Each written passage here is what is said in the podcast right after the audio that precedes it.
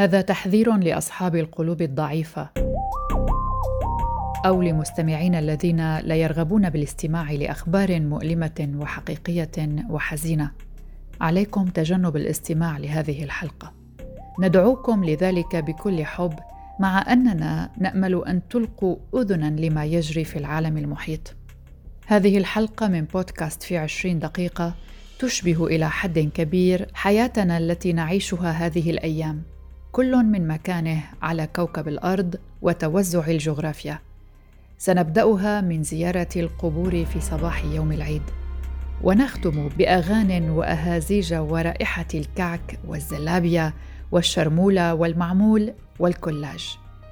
فعلى من يحب الالتحاق بنا للاستماع إلينا أن يحضر معه بسمتين. ركبنا الحافلة مع السيدة عنود عاصي والدة زوزان شيخو ومع المراسل الميداني بدر خان أحمد. ركبنا الحافلة متجهين قبل شقشقة النهار على طريق ترابي نال ما ناله من حفر بفعل الزمن والقنابل والألغام والتفجيرات في مدينة القامشلي. ركبنا الحافلة متجهين إلى المقبرة. هذا العيد. في كل الأعياد كانت تعمها الفرحه والسعادة. ابنتي كانت معي كنا سعداء. لكن هذه السنة العيد أصبح صعبا علي. هذا هو العيد الأول الذي أذهب فيه للقاء ابنتي معايدتها ومن ثم الرجوع. تبدأ هذه السيدة صباحها بزيارة قبر ابنتها زوزان. تفجير إرهابي نفذه داعش في قلب مدينة القامشلي في نوفمبر تشرين الثاني من العام 2019 أزهق حياة زوزان وترك هذه العائلة مع ذكرى ابنتهم التي كانت تحلم بأن تصبح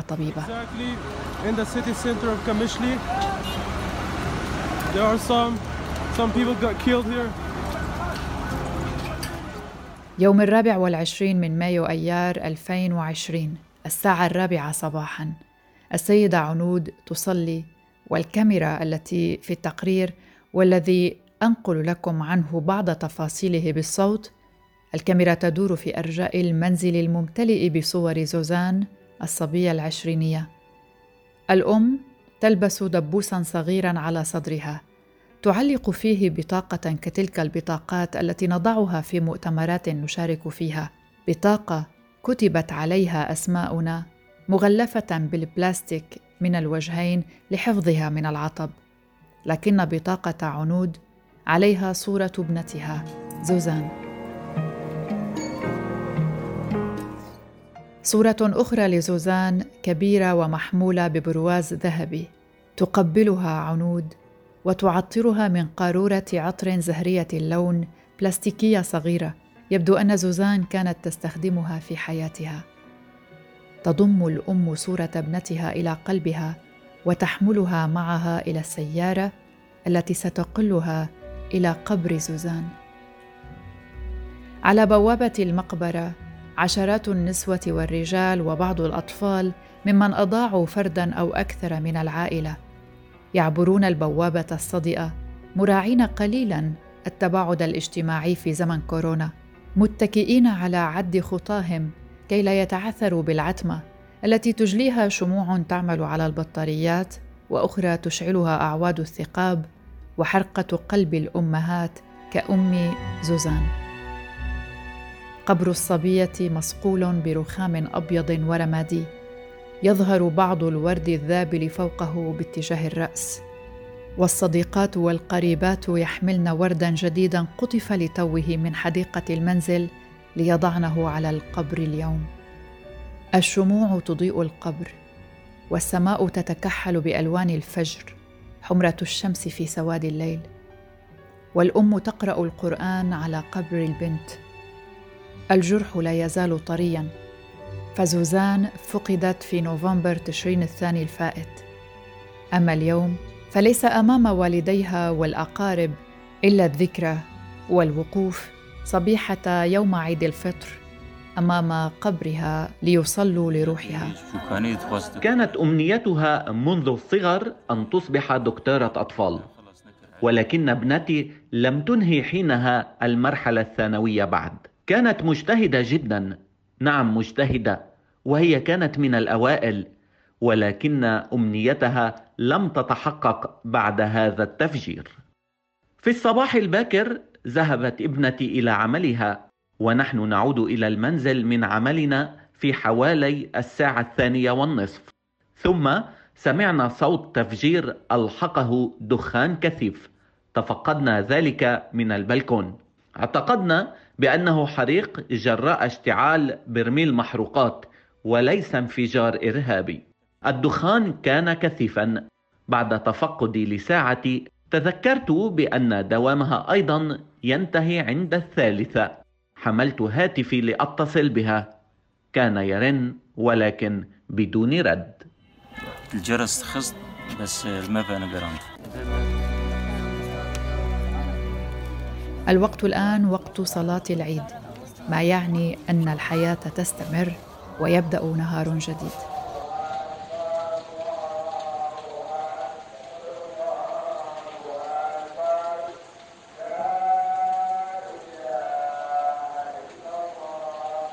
أهل زوزان يوزعون بعض أقراص المعمول عن روح ابنتهم. وطقس العيد لابد أن يبدأ رغم كل شيء. سيكون هذا العيد مختلفا بالنسبة للأطفال وسيجبرون على التزام منازلهم في ظل حظر التجول المفروض بسبب وباء كورونا. فما هي البدائل لإسعادهم في هذه الأيام؟ وهل سيلتزم الأطفال فعلا في منازلهم؟ حاولنا متابعة يوم أمس أول أيام العيد في أماكن مختلفة من العالم العربي والغربي. نبقى في الشمال السوري ونلتقي هيلين عثمان وهي سيدة تملك مجموعة على الفيسبوك تضم ستين ألف سيدة وتقوم برفقتهن بمبادرات لإدخال البهجة على قلوب الأطفال. ومع قدوم العيد كانت المبادرة مختلفة هذه المرة تقتضي من وجهة إسعاد الأطفال ومن جهة أخرى حثهم على البقاء في المنازل وتوعية ذويهم لكيفية التعامل معهم أيام العيد تطلع بالعيد حبيبي؟ لا إيش؟ يعني في كورونا بتخافوا من الكورونا؟ إيه يعني رح تلتزموا بالبيت وما في طلعة؟ تتنقل هيلين بين الأحياء وتحاول إدخال البهجة لقلوب الأطفال عبر تلك المبادرة. بتعرفي أنت بالعيد حبينا نعمل المبادرة بالذات للأطفال لأنه عندنا من العادات والتقاليد الأولاد بيطلعوا بيوم العيد بيتجمعوا بيتلامسوا بيقربوا من بعض. حبيت أعمل هاي المبادرة شوي آه، نوعيهم إنه هذا العيد رح يكون مختلف من الأعياد السابقة. إنه نعطيهم سكر هيك ألعاب هدايا وبالمقابل نسألهم شوية اسئله نعطيهم شوية معلومات. حتى بهذا العيد يكونوا شوي ملتزمين بالبيت ويكون يكونوا حذرين بخصوص المرض يتطلب الأمر أيضا من الأهالي في الشمال السوري إيجاد طرق توعوية والتدرب على كيفية تجاوز أيام العيد في المنزل دون ملل. عبد الباقي أحد هؤلاء الأهالي يبدو متفائلا بضبط أطفاله في العيد ويقول أنهم اعتادوا على البقاء في المنزل. بعد حجر صحي دام أكثر من شهر كل ما هنالك أنهم بحاجة لبعض النصائح والإجراءات الوقائية. والله أول شيء يعني ننصح الأطفال تبعنا وفينا نسيطر عليهم. صار له شهر يعني صايرين بالبيت يعني تعودوا شوي يعني. ما بقى يطلعوا على الشارع ويرقدوا ويرجوا إيه. فمجرد يعني إن شاء الله بشوية نصائح نخليه يلتزم بالبيت وطبعا الاجراءات اللي متخذها إنه التعقيم أهم شيء أهم شيء أهم شيء يعني. الصبح ظهر مساء وما مخليه يختلطوا كثير مع الأولاد يعني.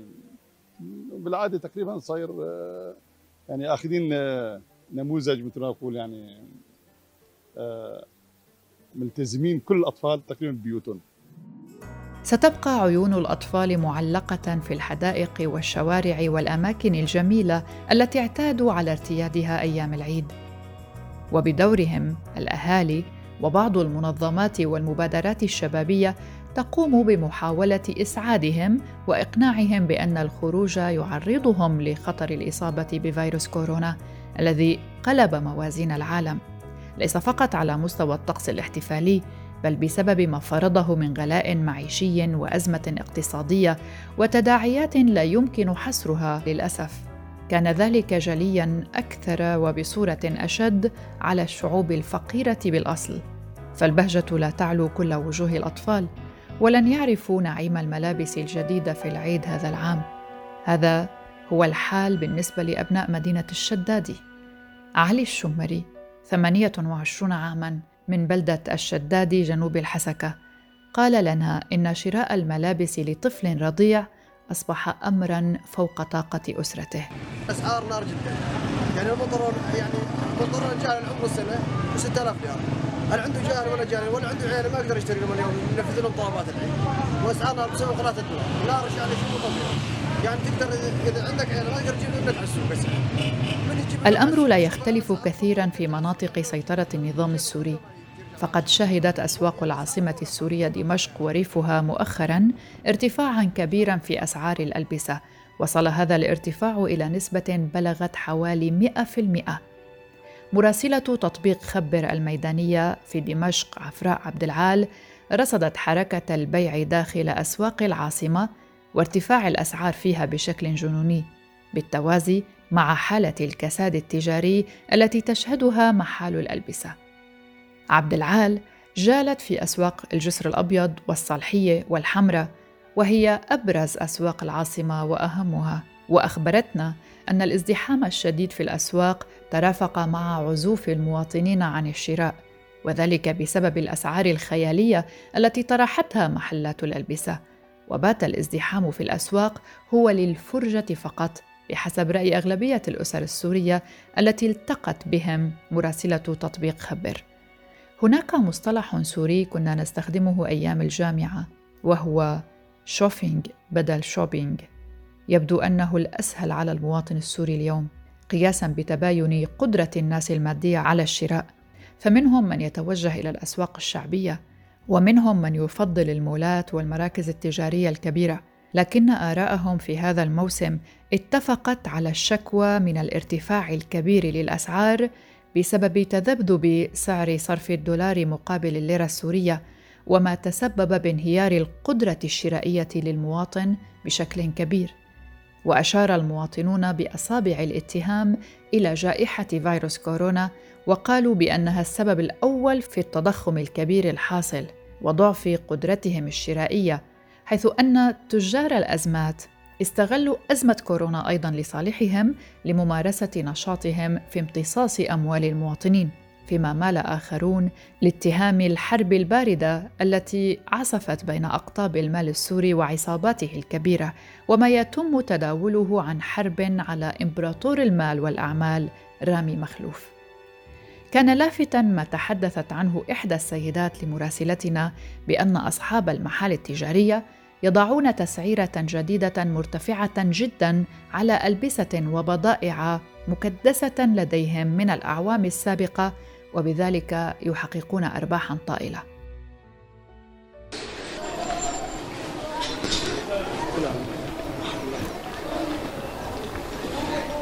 في لبنان على الأقل هذا ما عرفناه عن حال طرابلس. عشية العيد كما وصلنا من مراسلتنا هناك. محلات عديدة مسكرة. المدينة حزينة. الأزمة الصحية أثرت بشكل كبير كمان. الناس خافت قعدت ببيتها. فقدت أشغالها. بطلت قادرة تشتري. تئن تحت وطأة الأزمة الاقتصادية التي يعاني منها لبنان منذ سنوات عديدة. وضع اقتصادي صعب يعيشه أهل المدينة إذ ليس بمقدور غالبيتهم شراء حاجاتهم الأساسية وثقل الأزمة يزداد في هذه الفترة مع العيد الذي غابت معالم الاحتفال بقدومه فلا أضواء ولا زينة. هيدي الطريق اللي أنا ماشية فيها هلأ بتكون مكتظه بالناس. ما بيكون في محل نمشي. أخبار الآن في طرابلس اللبنانية. جالت على عدد من أحياء المدينة الشعبية وغيرها. الجميع هناك يشكو قلة الحيلة. أزمات متلاحقة. كيف ريدك عن الشغل هيدي السنة؟ بالنسبة لهيدي الشغل سنة كوارث أشغال عدم شرعي. فينا نحكي إنه اليوم كل شيء غلا لا الزبون عم يقدر يتحمل ولا نحن عم نقدر نتحمل. بالنسبة لفرق الدولار والشغل متراجع 60 70% عن قبل. يعني اليوم بيجي الزبون اليوم بدك تقول له هيدي الاطلق حقها 5 دولار كانت قبل 7500 تقدر تبيعيها ب 15000 اليوم الساعة هي 5 دولار نفس السعر. بس اليوم صاروا سميلة 25000 إذا أنا اليوم بدي لزبون أنا بدي حقق 40 أو 35000 عنده ست سبع أولاد كيف بدي ألبسهم؟ يعني التاجر ما بقى عم يربح على فرق الدولار لأنه الدولار كثير صار غالي وزبون بيستغرب بيستغلي كل شيء. شو ما بتقولي له؟ بيقفقف وعلى الله. واق يعكس واقعا حزينا جدا. كيف رضاكي عن الوضع بالبلد بهالايام؟ بده بيقرف ما في شيء رخيص وكله غلا وما عم نلحق وما في شغل. هون تعبانه حركة سير خجولة جدا. هيدي الساحة اللي شهدت معارك كتير من قبل ثورة 17 تشرين. هيدي الساحة عم نشوفها اليوم. حركة فيها جدا عادية. وعلى غير العادة الهدوء يسكن المراكز التجارية في العاصمة الأردنية عمان. بعد أن فرض فيروس كورونا العزل والتباعد الاجتماعي وإجراءات احترازية أخرى أدت إلى غياب ازدحامات العيد. عاصم لبابيدي وهو مساعد مدير متجر لبيع الملابس يخبرنا بالعادة قبل الأعياد الأسبوع هذا الأخير من رمضان بيكون الوضع يعني دائما المول crowded بيكون في كثير ناس عم تجهز للعيد عم تكون بتجهز لأشياء ال shopping وال يعني كل سنة بيكونوا هاي. بس السنة هاي مختلف تماما عن كل سنة ماضية. في عندنا شيء معين الناس مش يعني ما أعطيته أولوية. في في مثلا أولوية لشيء ثاني الناس هلأ ما عم تعمل مصاري كثير ما عم تصرف مصاري على الشوبينج ما عم ما عم تشتري ألبسة وما عم تجهز للعيد زيها زي أي سنة ماضية. الأردنية فرض حظر شامل للتجوال لثلاثة أيام اعتبارا من مساء الخميس بما في ذلك أول أيام عيد الفطر. وذلك بعد تطور الوضع الوبائي وارتفاع عدد الإصابات المسجلة بفيروس كورونا هناك. وقرر مجلس الوزراء الأردني يوم الاثنين في الثامن عشر من مايو أيار الجاري عودة موظفي الخدمة المدنية الذين يشكلون الجزء الأكبر من القطاع العام الأردني عودتهم إلى العمل بعد عطلة العيد التي تستمر ثلاثة أيام. لكن الحكومة ستواصل فرض حظر التجول الليلي حتى إشعار آخر مما يعني استمرار معاناة الشركات وخسارة الوظائف.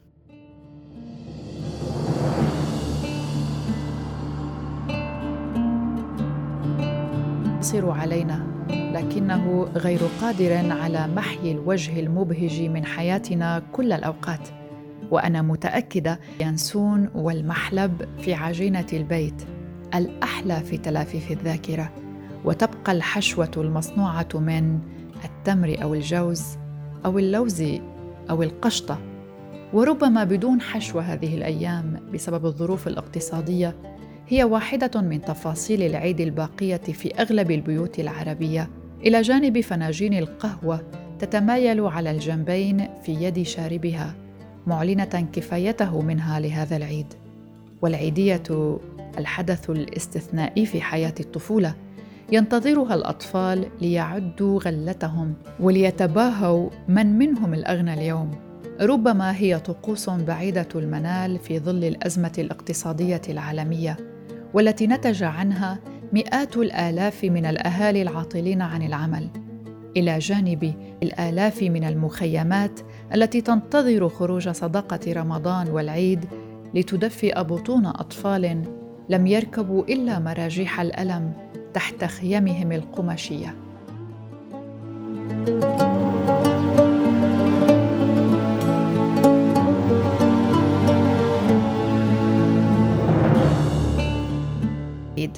بودكاست في عشرين دقيقة من إعداد وتقديم براء صليبي. شكرا لكم لحسن وطيب الاستماع. إلى اللقاء. thank you